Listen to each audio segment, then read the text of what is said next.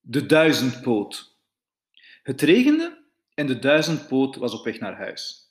Hij liep over het smalle pad midden door het bos. Het water stroomde van zijn hoofd en zijn rug af en hij kreeg zijn voeten steeds moeilijker uit de modder los. Ten slotte stond hij stil. Zover hij kon nagaan, kon hij de meeste van zijn voeten niet meer verplaatsen.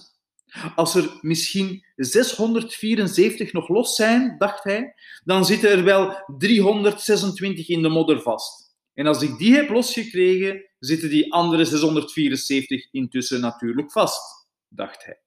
Hij voelde zich verongelijkt. Waarom ben ik ook de duizendpoot? dacht hij. Waarom niet iemand anders? De tweepoot of de driepoot, desnoods de tienpoot. Hij stond daar in de stromende regen, midden in het bos, keek omhoog en wou dat hij de duizendvleugel was. Dan zou hij nu recht omhoog dwars door de wolken heen vliegen en al zijn vleugels in de zon laten drogen. Of de duizendvin. Dan zou hij niet eens weten dat het regende en in de rivier onder water de karper en de snoek inhalen en met het grootste gemak voorbij zwemmen.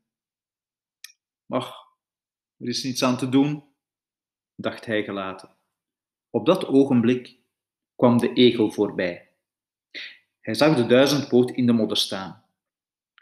Dag duizendpoot, zei hij. Dag egel, zei de duizendpoot. Ik kan niet verder. De meeste van mijn voeten zitten in de modder vast. De egel zag het en knikte. Jij hebt het gemakkelijk, zei de duizendpoot. Jij hebt maar vier poten. Die kreeg ik ook wel los. Hij zuchtte en trok een stuk of twintig poten uit de modder. Maar duizend? De egel zweeg. Waarom ben je eigenlijk niet de duizendstekel? vroeg de duizendpoot en hij keek de egel onderzoekend aan. Dat, dat wilde ik je altijd al eens vragen. Ik weet het niet, zei de egel. Ik ben de egel, voor zover ik weet. Het had gekund. Ja, zei de egel.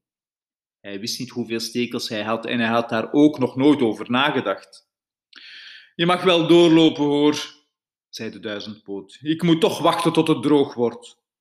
Maar de egel wilde hem niet aan zijn lot overlaten en besloot hulp te gaan halen. Niet lang daarna trokken de neushoorn, het nijlpaard, de schildpad en de woelrat met vereende krachten de duizendpoot uit de modder en zetten hem op het schild van de schildpad. En zo gingen ze allemaal naar huis, terwijl het nog steeds regende.